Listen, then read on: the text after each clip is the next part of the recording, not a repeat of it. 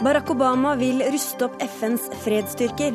Det er på tide at Norge bidrar mye mer, mener en tidligere spesialutsending til FN. Blokkuavhengige Miljøpartiet De Grønne velger de borgerlige i bare én av ti kommuner. Velgerne bør merke seg hva MDG mener med blokkuavhengighet, sier Sveinung Rotevatn. Og ble byrådet lurt da de bevilget 1,5 million for å få filminnspilling av Jo Nesbø-film til Oslo? Det mener Arbeiderpartiet, som ville legge inn bud for å slå svenskene.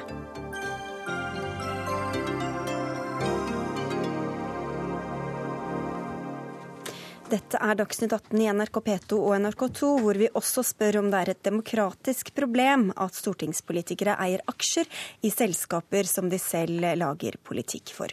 I studio den neste timen er jeg Sigrid Solund. Snart skal USAs president Barack Obama møte den russiske presidenten Vladimir Putin i New York. Det skal vi komme tilbake til, men før det skal vi til et annet budskap fra Obama. For den amerikanske presidenten har bedt medlemslandene i FN bidra med flere soldater og mer utstyr til FNs fredsoperasjoner. Initiativet er nye takter fra amerikanerne, og nå må Norge følge opp, sier du Hilde Frafjord Jonsson. Du er seniorrådgiver i FN, og mange husker deg sikkert som eh, spesialutsending til Sør-Sudan tidligere. Hva er det som er nytt med dette amerikanske initiativet? Det nye er jo at eh, den amerikanske presidenten faktisk engasjerer seg så sterkt eh, for FN og for å styrke FNs fredsbevarende operasjoner. Og det er et initiativ som har pågått et års tid, og de har virkelig investert mye i, uh, i dette. 20 europeiske land til stede, 50 land til sammen. Uh, et betydelig trøkk fra amerikansk side. Og det er jo fordi at eh, FN er i en situasjon hvor de trenger dette veldig, veldig sårt. Både kapasiteter, kapabiliteter, soldater, ressurser. Det er et rekordstore operasjoner og vel, under veldig, veldig tøffe vilkår. Veldig hardt press. Og så sier du at Norge da må bidra med mer. Eh, hva må vi bidra med, hvorfor det?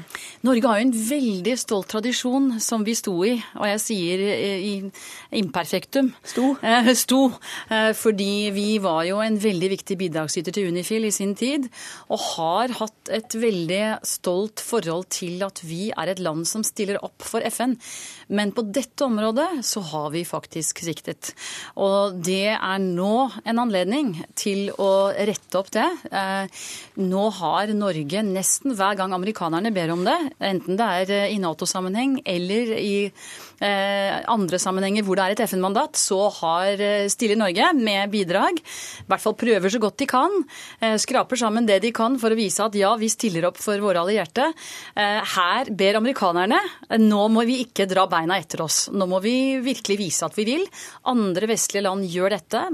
Nederland, Sverige har gått foran eh, inn i Mali. Og nå er det på tide at eh, Norge gjør mer.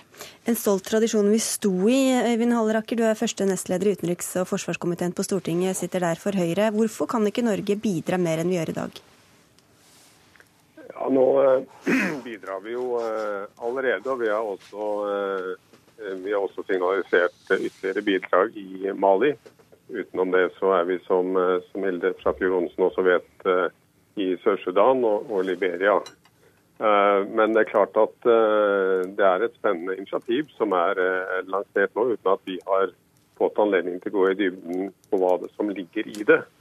Eh, men vi eh, har tradisjon for å, å, å, støtte FN og ser det som, eh, ser det som viktig del av fredsbevarende operasjoner rundt i, i, verden. Men om vi kommer til å følge opp ja. Vi vet ikke om vi kommer til å følge opp med noe spesielt ut fra hva Obama har bedt om? Ja, Det må vi ta stilling til når vi får det, den henvendelsen.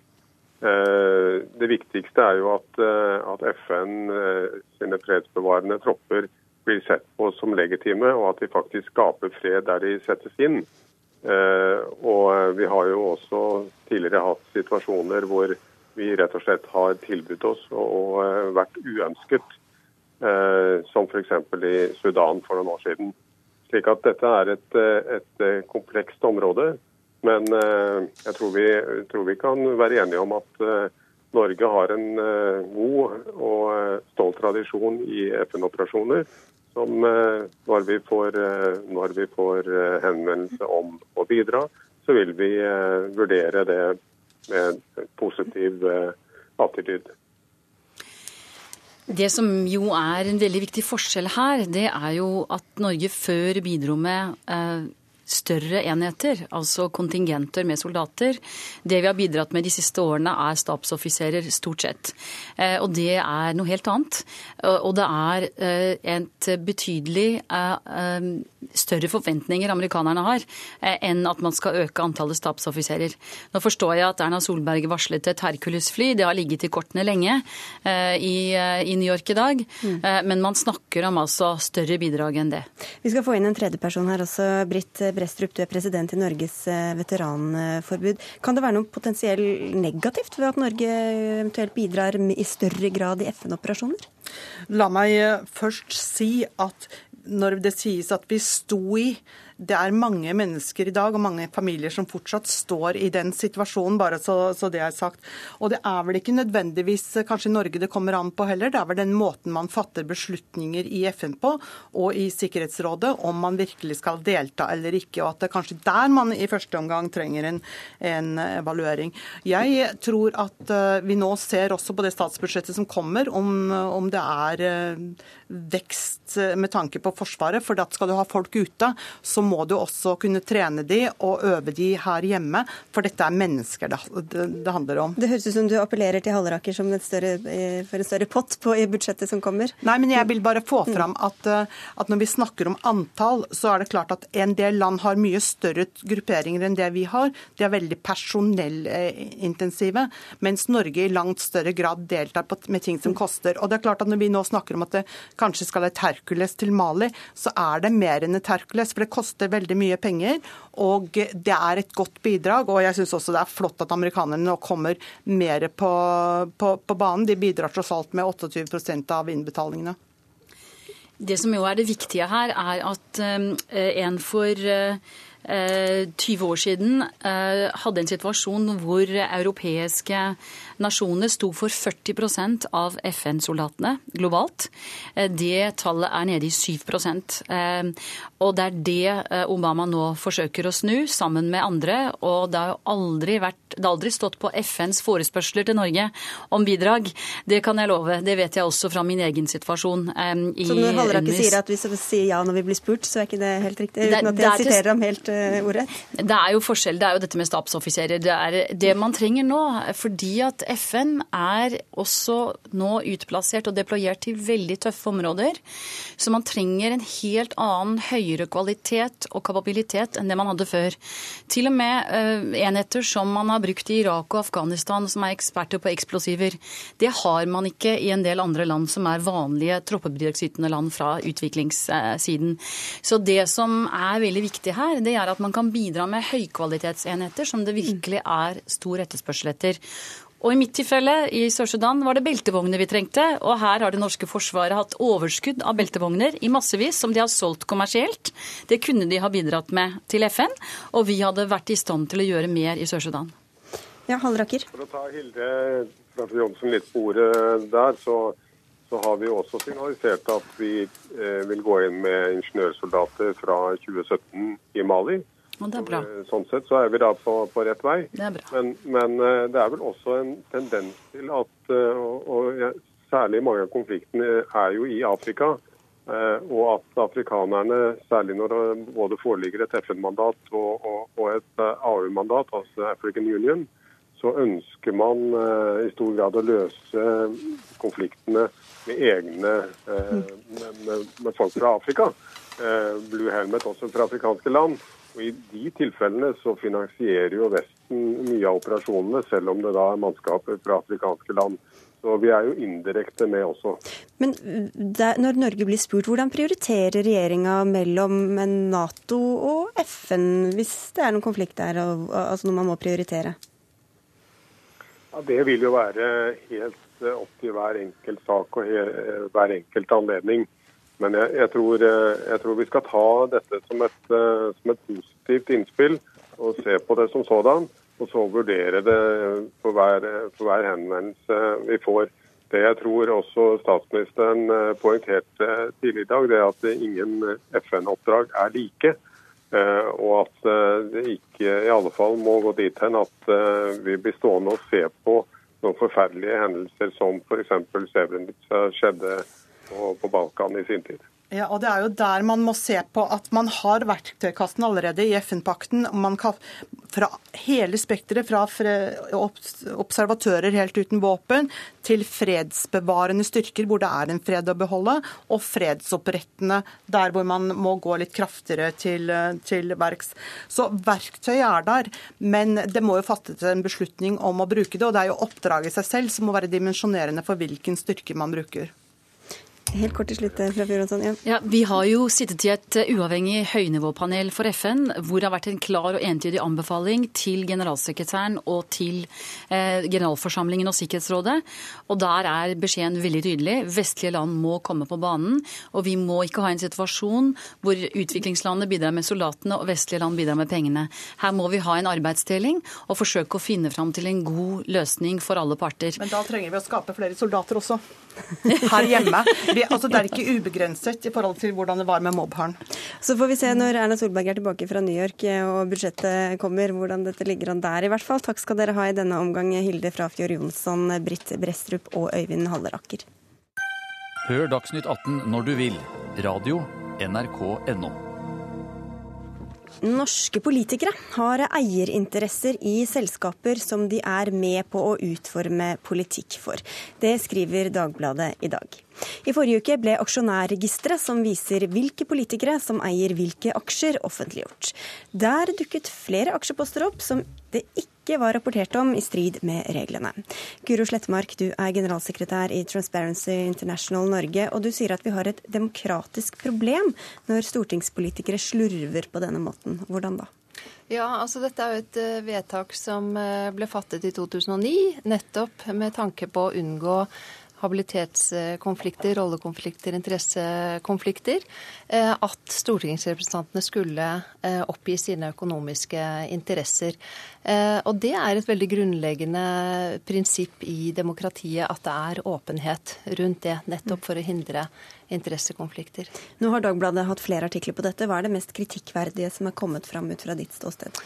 Eh, eh, kanskje det faktum at eh, det ikke oppføres slik intensjonen i disse reglene er. Men Dagbladet har jo også funnet frem til egentlig ganske mange selskaper hvor stortingsrepresentantene har aksjer, og hvor de har vært med på å utforme regelverk og påvirke politikken som direkte eller indirekte får følger for disse selskapene. Det gjelder kanskje ikke deg, Svein Flåtten. Du er stortingsrepresentant for eh, Høyre.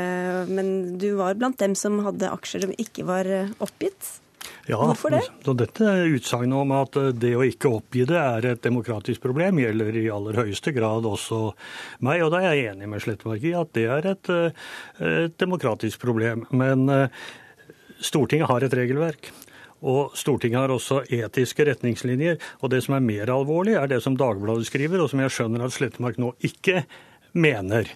Nemlig at om du eier aksjer i et selskap, og du har oppgitt det til Stortinget, så er det ikke lenger noe demokratisk problem, fordi at man har et godt regelverk i Stortinget. Og da har vi i hvert fall kommet et stykke på vei i diskusjonen. Ja, så, så, du mener, eh, for å følge opp det, at regelverket er godt nok, men det blir ikke godt nok fulgt? Er det Nei, det? Nei, eh, det mener vi ikke. Fordi at eh, vi gjorde en stor studie i 2012 nettopp for å se på integritetsmekanismene i viktige samfunnsinstitusjoner, deriblant Stortinget og elleve andre viktige institusjoner.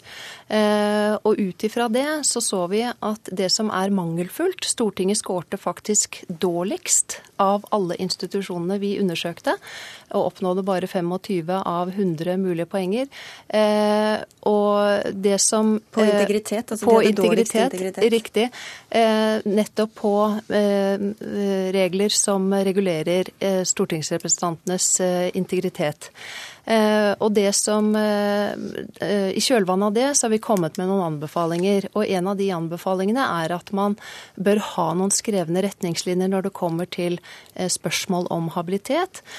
Og det andre viktige poenget det er langt større åpenhet når det kommer til lobbyvirksomhet. Så vi kan ikke stole på dere for det å ikke har dere integritet, Svein Flåtten? Det høres jo ikke helt bra ut det her, da?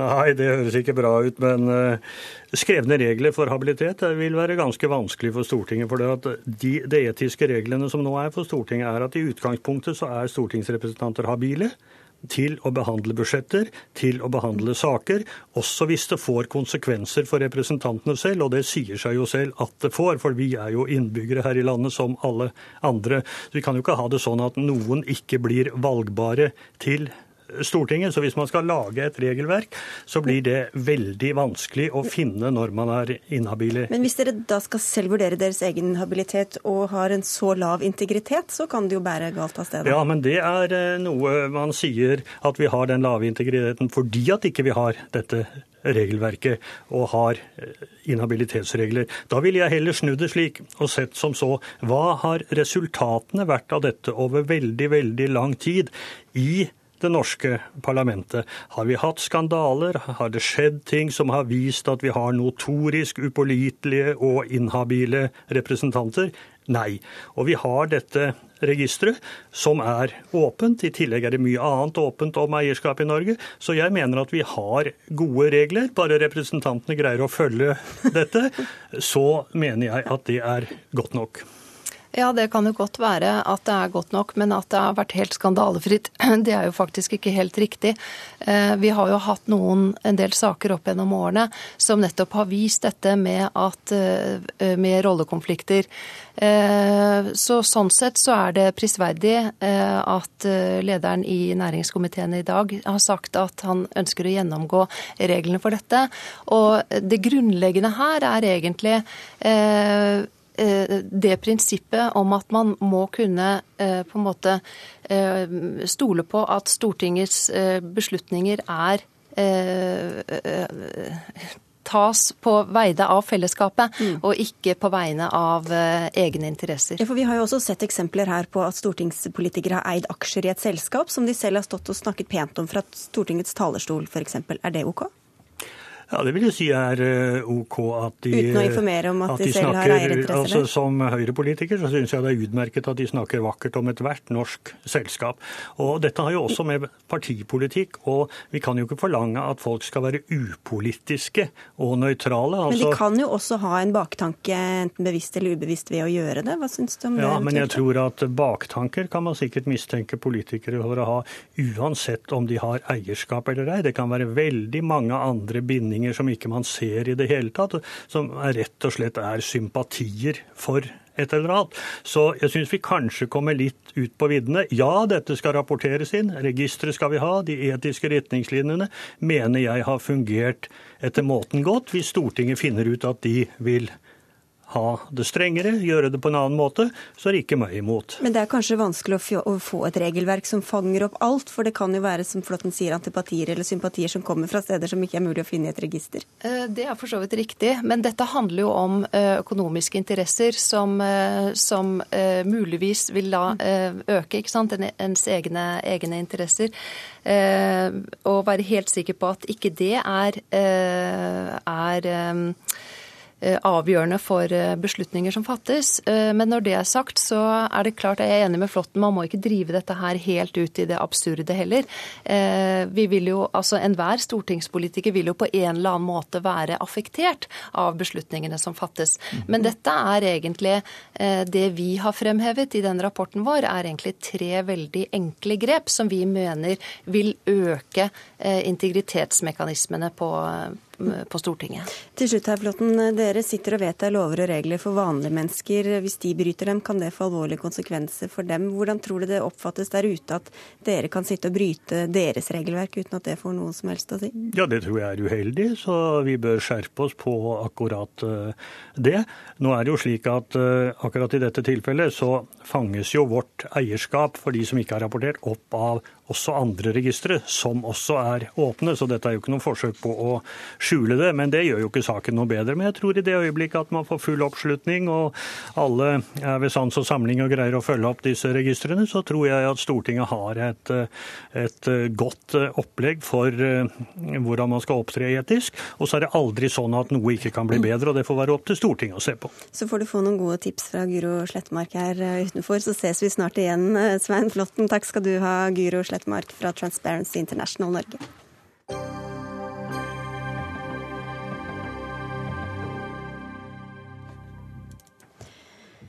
Da skal vi til eh, New York, hvor den russiske presidenten Vladimir Putin nå taler i FNs generalforsamling for eh, første gang på ti år, litt forsinka.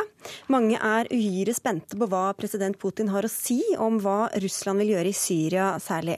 Tove Bjørgaas, USA-korrespondent i eh, NRK. Talen pågår altså nå. Hva har den russiske presidenten sagt så langt?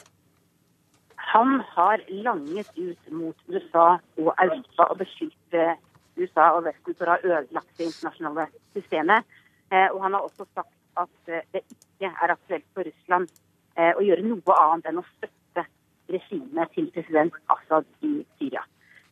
Han sier at Russland ønsker en FN-konferanse eller en sikkerhetsprosess som skal lage en resolusjon for å forsøke å få til en samlet front kamp, i kampen mot IS og andre terrorgrupper. Men å fjerne Assad er altså helt uaktuelt. Han sa at det er Assad som, som, er, som kjemper mot, mot, IS, og derfor må Assad bli sittende. Men han var også veldig veldig kritisk til USA og beskyldte nærmest eh, Vesten for som sagt, å ha ødelagt eh, verden etter den kalde krigen. Den, eh, president Obama talte før Putin og sendte et stikk i retning Russland. Hva var det han sa da? Han sa akkurat det motsatte når det gjelder Assad. USA kan ikke eh, godta at Assad-regimet blir skitne, men at de ønsker å samarbeide med Russland og eh, også Iran for å forsøke å få en slutt på krigen i Syria. Så, så, det viser hvor langt disse to presidentene står fra hverandre. Mm. Og Det har jo vært snakket mye om det kjølige forholdet dem imellom. Hva kan dagens møte tyde på i så måte? Nei, nå det jo, skal det være et toppmøte mellom de to etter at Putin er ferdig med å snakke. Det er første gang på mer enn to år at de to setter seg ned ved et bord, bare de to. Eh, og eh, det har vært store forhåpninger knyttet til at det kan komme i stand en dialog om Syria mellom USA og Russland.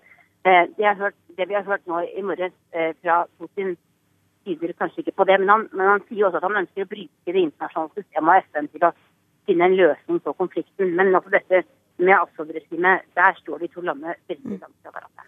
Takk skal du ha, Tove Bjørgaas. Um, Julie Wilhelmsen, du er forsker ved Norske utenrikspolitiske institutt. Det høres ut som det var ganske krasse ord fra Putin nå, som står og taler?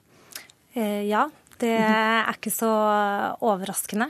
På mange måter så målbærer han jo det samme perspektivet som Russland har gjort eh, hele veien, i hvert fall når det gjelder konflikten i Syria.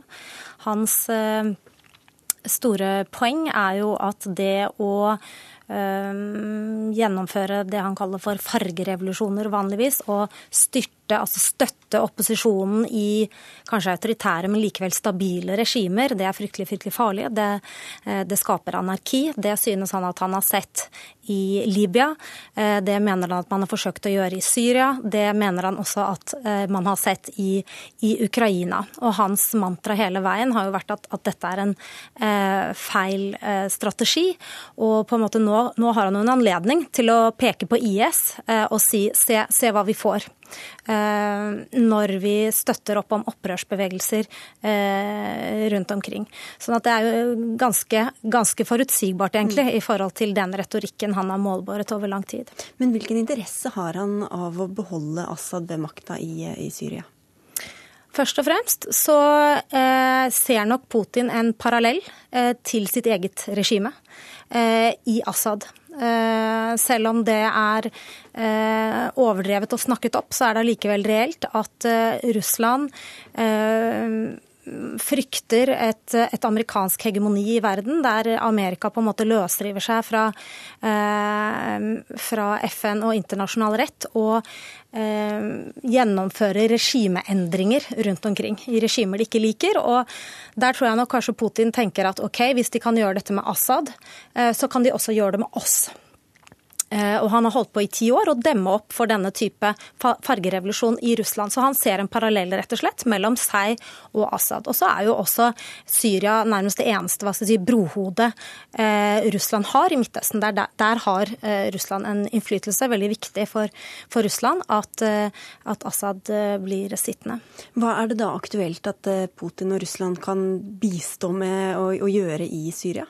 Ja, Det de jo allerede har gjort, og som var oppsiktsvekkende, på en måte, det er at de har begynt å sende fly og, eh, og bombe eh, eh, helikoptre, tror jeg de allerede har tatt ned, og, og angripe eh, IS. Det som jo er en, en, plutselig en helt annen situasjon, det er at selv om relasjonen mellom USA og Russland er fryktelig, fryktelig vanskelig, og Putin har blitt en slags paria som han ikke vil samarbeide med, så er jo situasjonen i Syria nå en helt annen.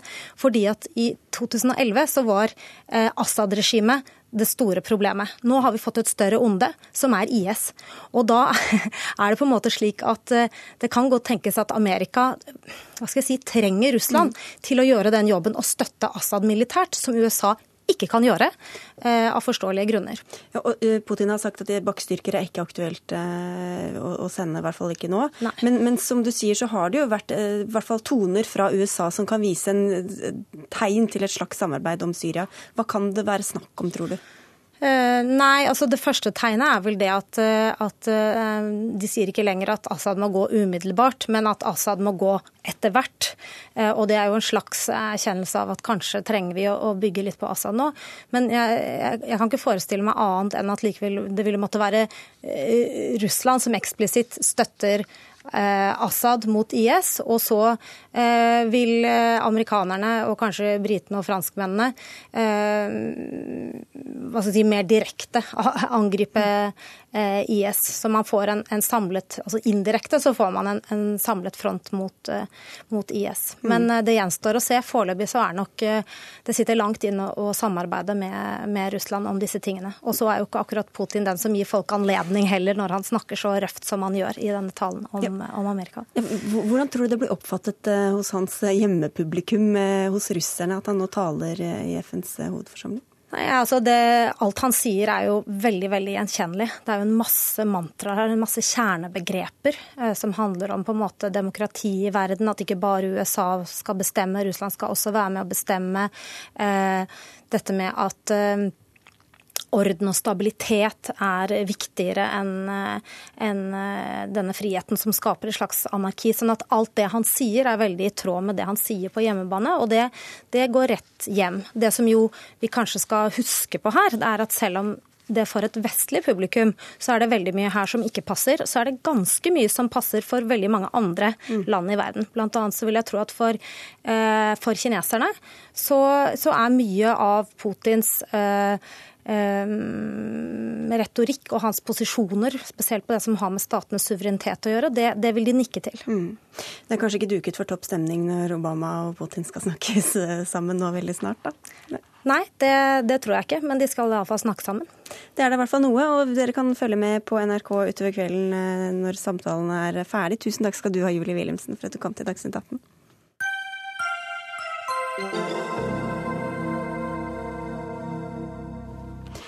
ble byrådet i Oslo lurt da det bevilget 1,5 million kroner for å få innspillinga av Jo Nesbøs bok 'Snømannen' lagt til hovedstaden. I mai kunne norske medier fortelle at Stockholm hadde kastet seg inn i kampen om å bli innspillingssted for storfilmen. Å sikre filminnspillinger til Norge har vært en kampsak hos flere partier, så kulturbyrådet i Oslo, Halstein Bjerke, kontret raskt svenskenes bud med 1,5 million. Men nå er det usikkert om svenskene i det hele tatt var med i eh, budkrigen. Vi skal høre fra byrådet straks, men først til deg, Victoria Marie Evensen. Du sitter i kultur- og utdanningskomiteen i Oslo bystyre for Arbeiderpartiet. Og dere stemte også for dette forslaget om å gi eh, denne halvannen millionen. Men nå sier du at dere var feilinformert. Hvorfor sier du det? Altså, det er klart at For å si det først, da. Vi er jo alle sammen enige om at det er viktig å få Snømannen til Oslo, eh, og det er bra. Eh, det trenger vi i byen vår. Men så vil jo jeg si at det er stor forskjell på at det ligger et faktisk eh, bud på bordet, og at man får signaler i noen forhandlinger. Og når vi skal ta politiske avgjørelser og fatte kloke vedtak, så er det jo viktig for oss at vi faktisk har fakta på bordet, og at vi vet akkurat hvordan ting henger sammen. Så selv om jeg vil si at det er et godt initiativ fra Bjerke å ville få Harry Hole hjem, så eh, mener jeg jo at det kan tyde på at eh, byråden fra Venstre kanskje ikke hadde full oversikt da eh, dette kom. Nå har vi snakket om deg, nå skal vi snakke med deg, Halstein Bjerke. du innrømmet jo tidligere i dag at det gikk litt fort i svingene da denne beslutningen ble tatt. Hva var bakgrunnen for at du sa ja da, eller la inn det budet?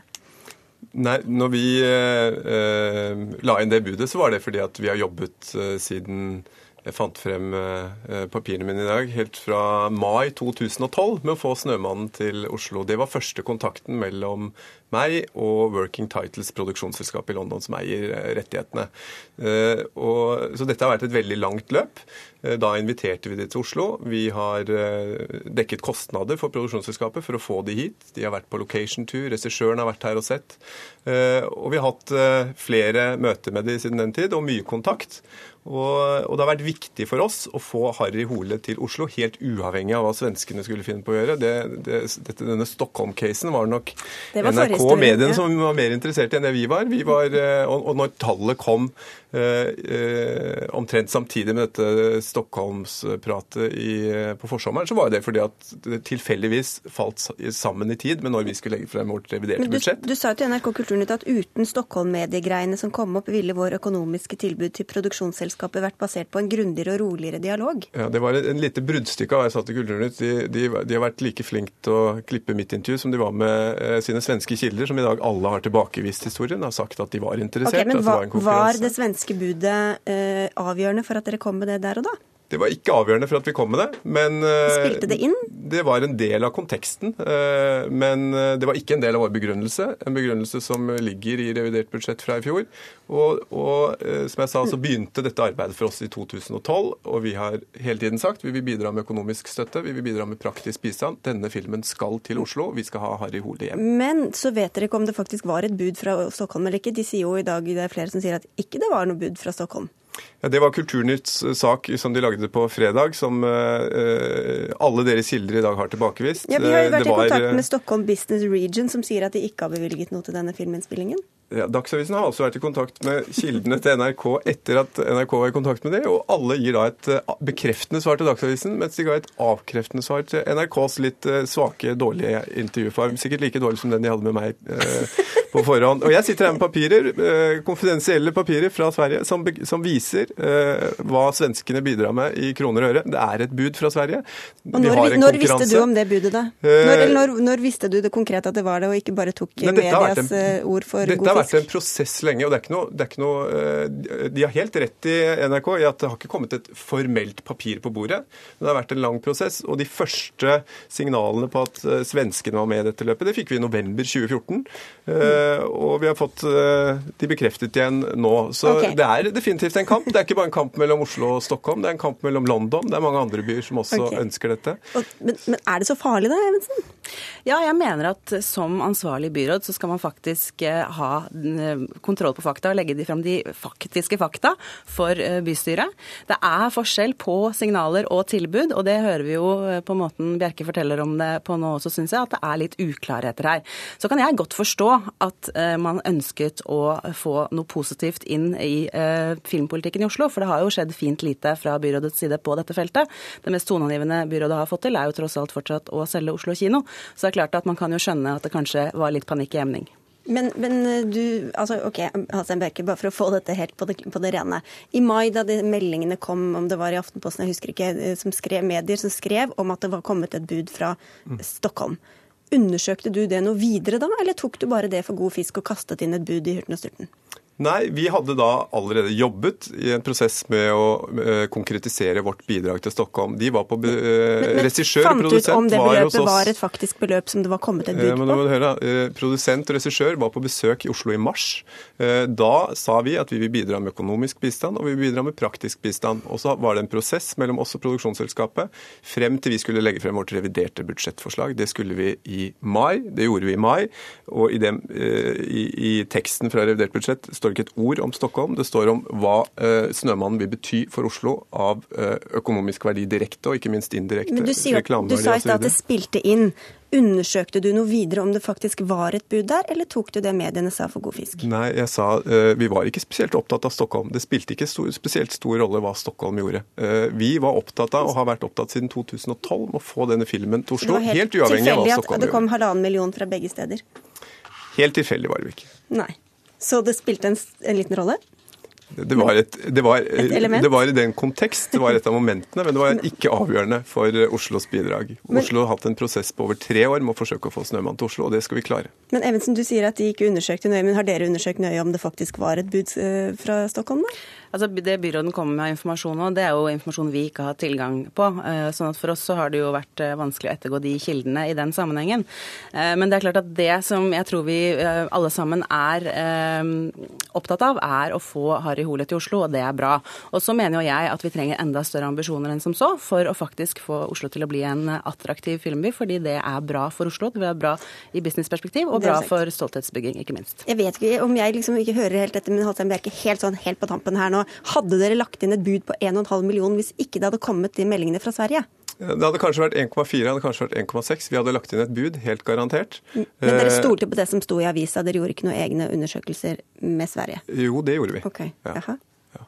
Okay. Eh, kanskje det blir en føljetong utover uken, hva vet jeg. Jeg vil si tusen takk for at dere kom i dag i hvert fall, og satser på at det nå blir eh, filminnspilling i Oslo. Takk skal dere ha, Halstein Bjerke, kulturbyråd, og Victoria Marie Evensen eh, fra Oslo Arbeiderparti.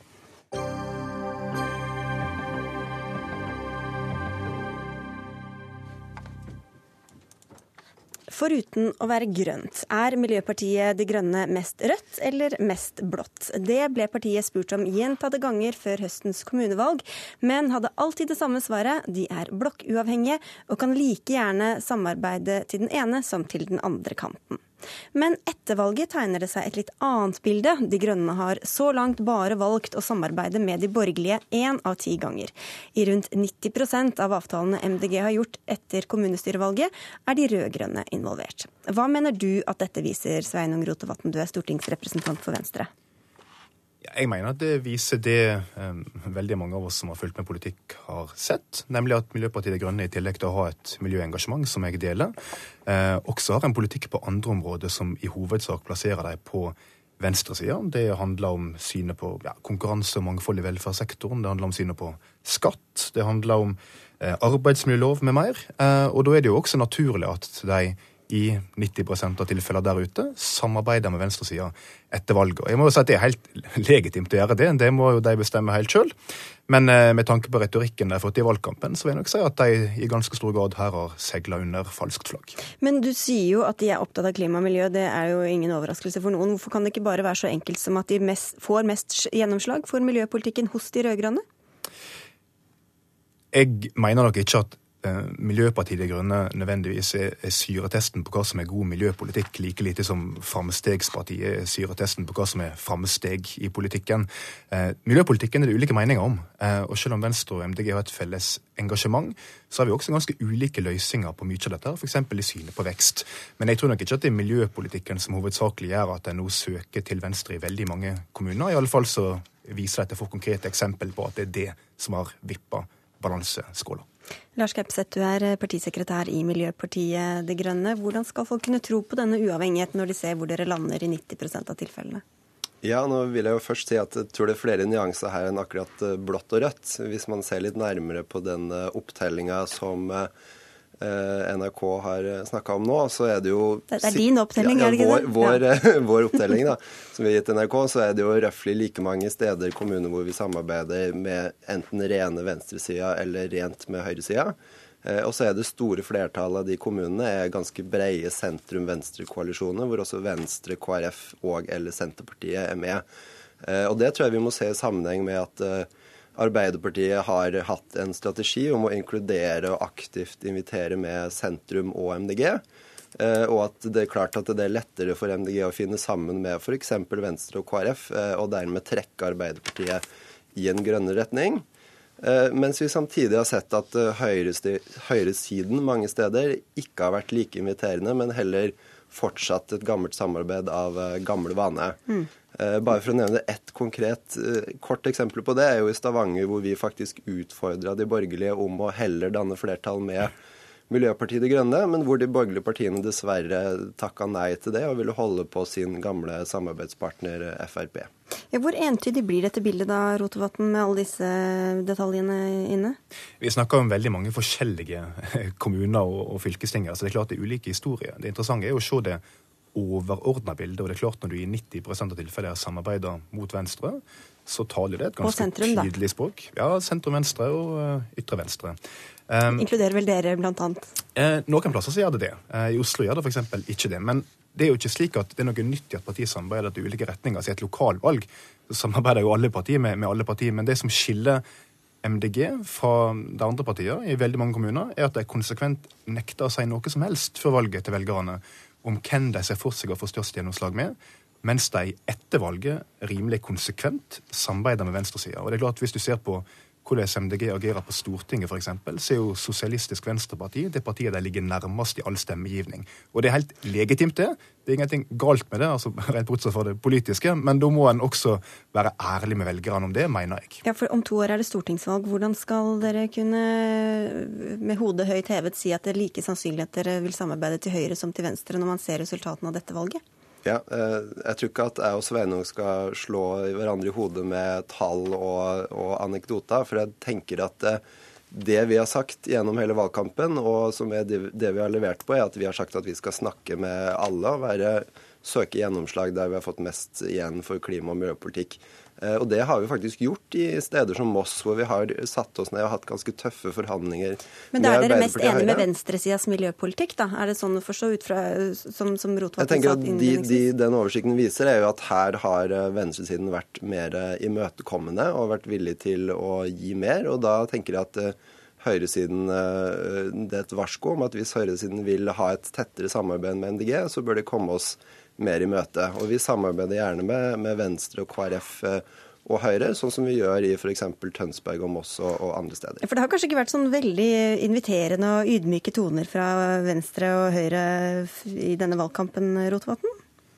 Nå får Høyre snakke for seg sjøl, men eh, vi eh, er åpne for samarbeid med mange, vi. Og vi går også inn i samarbeid med Miljøpartiet De Grønne i en del kommuner.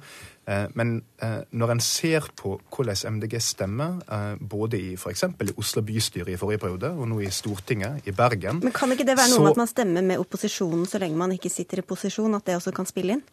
Det er kanskje litt av det, men det er ikke tilfellet overalt. Og jeg mener å se en veldig tydelig tendens i økonomisk politikk, i skattepolitikk, i arbeidslivspolitikk, i velferdspolitikk. All den politikken som er så viktig ute i kommunene, som MDG på en måte avviser som ikke viktig, men som de likevel må ta stilling til, plasserer de seg godt ute på venstresida. Det er klart at det får konsekvenser etter et valg når du skal samarbeide om breie plattformer for å f.eks. styre en by som Oslo.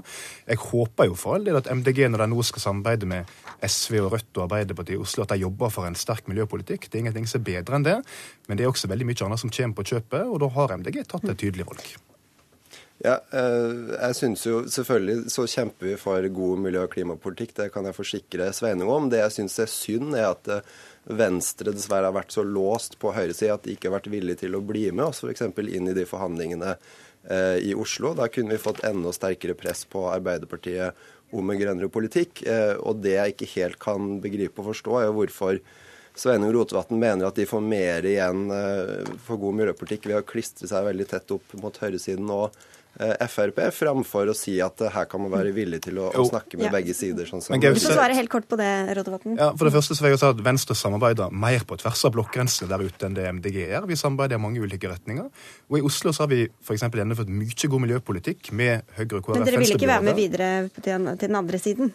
Jo, men vi, Poenget her er at vi har da danna flertall for masse miljøpolitikk, f.eks. med SV i forrige periode. Mens MDG i Oslo har et vedtak på at de prinsipielt ikke kan ha noe med Frp å gjøre, og har gjort seg blokkavhengige på den måten med Arbeiderpartiet. Og da får det den konsekvensen det får. Og det er synd for byen, men de burde vært ærlige på det. Vi får uh, si takk eh, til dere i den omgang. Sveinung Rotevatn fra Venstre og Lars Gaupseth fra Miljøpartiet De Grønne. Takk skal dere ha. Dagsnytt 18 alle hverdager klokka 18. På NRK P2 og NRK2.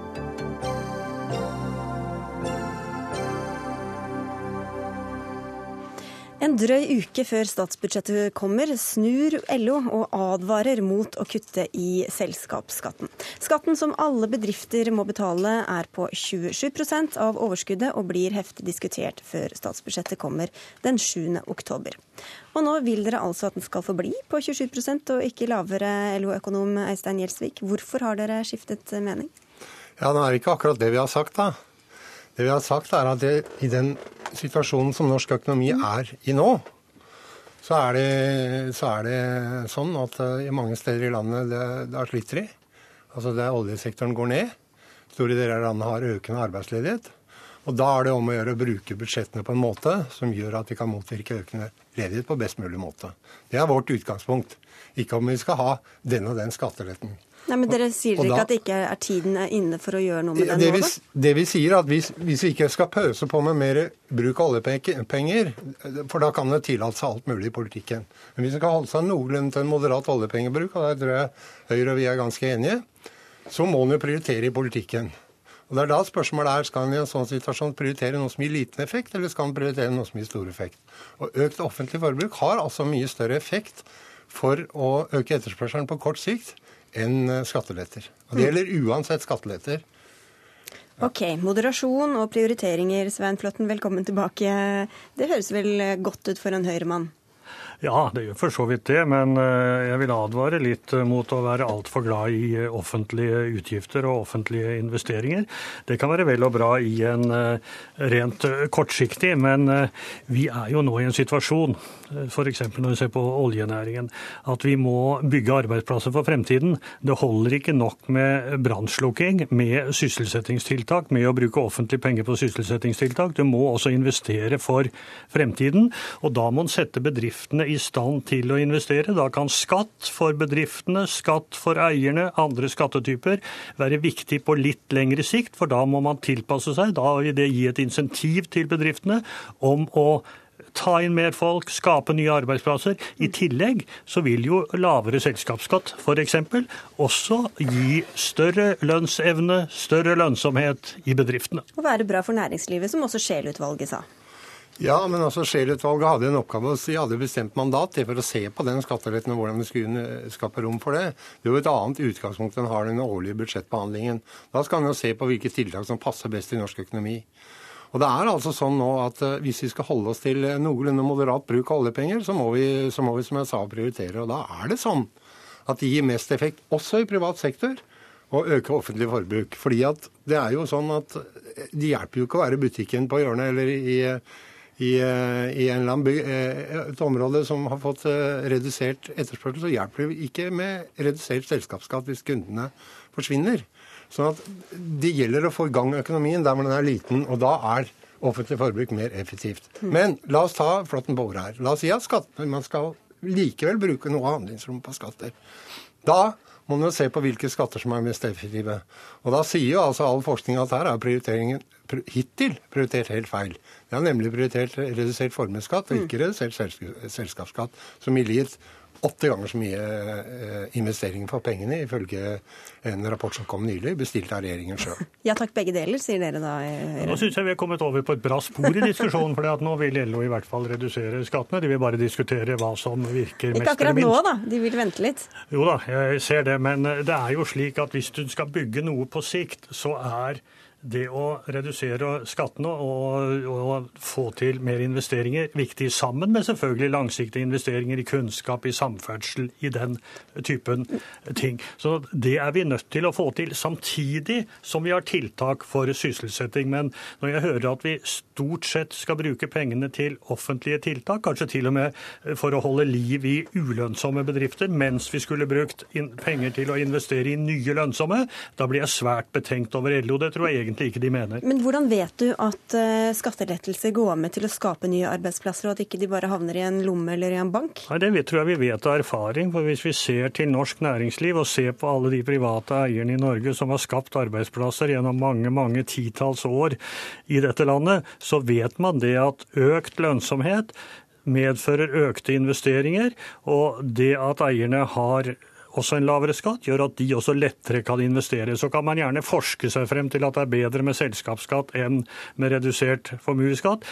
Gjerne Forskning er vel noe dere pleier å stole på? Men det bør være en balanse i dette. Og jeg støtter meg ikke så mye til forskning i dette. Jeg støtter meg til det som norsk næringsliv har fortalt meg gjennom mange, mange år. At så det får vi forskningsbaserte Høyre rekker ikke helt inn hit? Da. Lavere beskatning på, Nei, men altså, næringslivet vil alltid ha lavere skatt. På våre investeringer vil gi nye investeringer. Jeg mener, jeg mener, det er faktisk sånn at uh, en må tilpasse budsjettene sånn at du får mest mulig etterspørsel ut av de rammene vi har. Og da har hittil prioriteringen vært helt feil. Men å pøse masse penger inn i det offentlige, er det en god Ja, men det skaper jo ikke sant, det at, det at folk får, an, eh, får, penger i lommene sine, får jobber, ikke sant, at du øker etterspørselen, så øker du også etterspørselen til private tjenester. Det er ikke bare offentlig sektor som øker det. Men hva vil dere gjøre på lang sikt? og det er ikke subsidiering, det. Det er Nei, bare å opprettholde etterspørselen. Det har jeg heller ikke sagt, men hva skal dere gjøre på lang sikt? Ja, For det er jo altså- på lang sikt vi skal erstatte oljenæringen. Det er da vi skal ha nye arbeidsplasser. På lang sikt vil det ja, men, igjen er det ikke opplagt at veien til å skape arbeidsplasser på lang sikt er store skatteletter. Det er bare det. Jeg sier det er skattelettelser, investeringer i infrastruktur og kunnskap. På lang sikt er det er det viktig at vi opprettholder holder lavest mulig sysselsetting og minst mulig sløsing med arbeidskraft, at ikke ledigheten setter seg fast. Så når vil dere gå inn for lavere selskapsskatt? Sånn Nei, det kan jeg ikke. Det, det, jeg mener er at det må vi ta. Og det har jo regjeringen sjøl invitert til. At det skal være et bredt forlik da, om å, om å komme fram til et endret skattesystem. Men da kan de jo ikke pøse ut alle midlene på forhånd til sine prioriterte prosjekter. Så er det eh, bare smuler å diskutere for alle andre. La meg legge til at det er regjeringen som legger fram eh, budsjettet, ikke meg. Ja, kan hende du sitter på noe informasjon, da, men vi klarte ikke å lokke det ut av deg. Takk skal dere ha, i hvert fall begge to. Svein Flåtten fra Høyre og Øystein Gjelsvik fra LO. Dagsnytt 18 på NRK P2 og NRK2. Volkswagen-skandalen ruller videre. I dag sier Skoda at 1,2 millioner av deres biler har programvaren som moderselskapet Volkswagen har brukt til å jukse i utslippstester for å framstå mer miljøvennlige enn de egentlig er. Og på verdensbasis har 2,1 millioner biler samme programvare, ifølge Audi. Og denne saken viser at regjeringa her hjemme må strupe dieselbilsalget, sier du til VG Heikki Holmås, du er eh, miljø- og transportpolitisk talsperson for SV. Hvorfor viser den det? Fordi at eh, vi ser at dieselbiler slipper ut mye mer lokal forurensning enn det vi har trodd. Og vi har et kjempesvært lokalt forurensningsproblem i de største byene våre i Norge. Det er faktisk sånn at regjeringen sine organer at, eh, anslår at omtrent 1500 mennesker dør for tidlig i Norge pga. luftforurensning. Og vi vet at en av hovedsyndene til dette er dieselbiler, og derfor bør vi strupe dieselbilsalget. Og så er det sikkert mange lyttere og seere som husker noen år tilbake, da SV i regjering vridde avgiftene for at flere skulle kjøpe dieselbiler. Så budskapet er gjør som vi sier og ikke gjør som vi gjør? Nei, fordi at det du viser til, det er den gangen et enstemmig storting i 2007 gjorde det både bilbransjen og Norsk Automobilforbund ba oss om å gjøre, nemlig innføre økt avgift for å vri salget i mer klimavennlige biler. Og Konsekvensen av dette var at vi fikk et enormt kutt i utslippene fra de nye bilene. Men et problem eh, var at dieselbilsalget økte, fordi dieselmotorer er mer effektive enn bensinbiler. Men det vi gjorde derfor, Eller det vi derfor gjorde i fire år senere, i 2011, når dieselbilandelen var oppe på 75% det var å innføre en egen avgift for lokal forurensning, som førte til at dieselbilsalget stupte fra 75% i, eh, i 2011 til i dag der det er omtrent 40% Og Nå mener vi at regjeringen bør ta konsekvensene av den eh, utslippsskandalen som vi nå har sett i, i, Volkswagen, og sørge for å strupe dieselbilsalget. Ja, for diesel, diesel, gir dårligere luft, men slipper ut mindre CO2, eh, som er bedre for klima, da, for å si det litt enkelt. Ja, men nå har du veldig mange gode eh, klimavennlige alternativer. Altså, vi har elbil som er på 20 eh, av, av salget nå, ikke sant? og vi har mange mer effektive bensinmotorer ja. som også går i dag. Oskar Grimstad, du er klimapolitisk talsperson i Fremskrittspartiet, og dere er ikke særlig begeistra over dette forslaget fra SV. Hvorfor er det ikke et godt forslag å gjøre noe med den dårlige luft, lufta som kommer fra alle disse dieselbilene? Nei, Jeg hører bl.a. hva folk flest som lytter til politikerne i 2007, der den rød-grønne regjeringa med SVs finansminister Kristin Halvorsen i spissen endra bilavgiftene, slik at dieselbilene fikk den markedsandelen de gjorde. Og Da, var det på en måte en anbefaling som gikk ut til folket i, fra 2007 Men det har vi vært gjennom, det er vi ferdig med nå. Jo, og så når folk da handler bil, så handler man bil i et langsiktig perspektiv. Det er ikke slik at du kan snu deg rundt på hjørnet og finne store familievennlige biler i dag en lav, eh, til en lav pris. Og I tillegg så vil nå altså SV ytterligere øke avgiftene. En ting er jo at de vil øke avgiftene på drivstoff, men nå vil de altså straffe eh, de som, som har brukt opp pengene sine på en dieselbil, ved at det å komme inn i en å, å få fornye bilparken er, er håpløst. Jeg skal, men jeg skal bare høre med Hegge Holmes, for det var jo noen av oss som kjøpte denne dieselbilen. Skal, ja. det, skal, man straffes for den gamle dieselbilen, eller er det bare nye dieselbiler? Nei, man skal ikke straffes for den gamle dieselbilen man har kjøpt. Men det vi må gjøre, er å hjelpe folk å velge riktig bil for fremtiden. Ja, Men da, er ikke det metoden å øke avgiftene. Da må, da må man lage gulrot, Heikki. Slik at folk nå ser at OK, hvis jeg nå uh, leverer fra meg min gamle dieselbil og kjøper miljøvennlig bil, da må man sette ned avgiften. Da må man gjøre det attraktivt å, å bytte bil. Men det kan dere vel gjøre samtidig? At dere både gjør det dyrere å kjøpe dieselbiler og billigere å kjøpe. Nå har dere lave priser på elbiler eller andre hydrogenbiler eller hva som helst som ikke gir så store utslipp. Der er ikke så lave eh, bilpriser i dag. Vi er i ferd med å endre bilavgiftene slik at eh, man skal kunne mer og mer eh, og i større og større grad handle miljøvennlig. Men dette er jo, er jo en endring som vil skje gradvis. Og Problemet er at i dag sitter mange fastlåst med, med, med biler, dieselbiler som man på mange måter er nødt til å, å beholde, fordi at det, det, er familiebiler som er investert i et langsiktig perspektiv. Men det, det finnes nå vitterlig en rekke familiebiler på bensinfronten måten også som er fullt mulig å kjøpe for fremtiden. Jeg ser ikke, altså De aller fleste bilimportører leverer både bensin- og dieselvarianter. Og En av de tingene som vi vet virker, Oskar Grimstad, det var jo nettopp å øke den lokale utgiftsdelen av engangsavgiften. For det førte jo nettopp til at dieselbilsalget falt fra 75% i 2011 til 40 som er markedsandelen til diesel i dag. Hvorfor vil ikke du være med på å sørge for å få den markedsandelen ytterligere ned, når vi vet hvor store konsekvenser dette har for de store byene våre? I Oslo, der dere har vært med på å styre, der har altså eh, forskriftene og reglene, grensene for hva du har lov å slippe ut, vært brutt hvert eneste år fra 2003 og frem til 2014. Fordi så mange fulgte deres råd den gangen. Men, men, hvorfor teller ikke alle, dus, altså disse, alle disse tusen barn og andre som ikke kan gå ut om vinteren eller, eh, eller få astma og allergi? Hvorfor, hvorfor veier ikke det tyngre for dere, da? Jo, det, det, det veger veldig tungt. og Derfor så ønsker vi lavere bilavgifter, så gjør det mulig for forbrukeren å kjøpe miljøvennlige, trygge biler uten at det koster skjorte. Så vi ønsker gulrot til forbrukerne ikke, framfor ikke, pekefingerpolitikk, slik som SV. Men, men, nei, kan, dere gjøre, kan, dere ikke gjøre begge deler, da? Kan dere ikke gjøre det kjempedyrt å kjøpe nye dieselbiler, og billigere å kjøpe de som har lavere ut, eh, utslipp av de andre typer bilene? Jo, vi er på vei til å redusere kostnadene med bilinvesteringer. og Det gjør vi gjennom å sørge for at man handler miljøvennlig på bil. Men problemet er at mange sitter fastlåst med dyre dieselbiler som de kjøpte på anbefaling Men, av en rød-grønn regjering med SV i, spissen på, på Men Oskar Grimstad, bare for to ting. For det første, Fremskrittspartiet stemte for de endringene og var med på enhver endring av bilavgiften i 2007 som det vi gjennomførte. Så du må ikke komme her og si at du var helt troskyldig.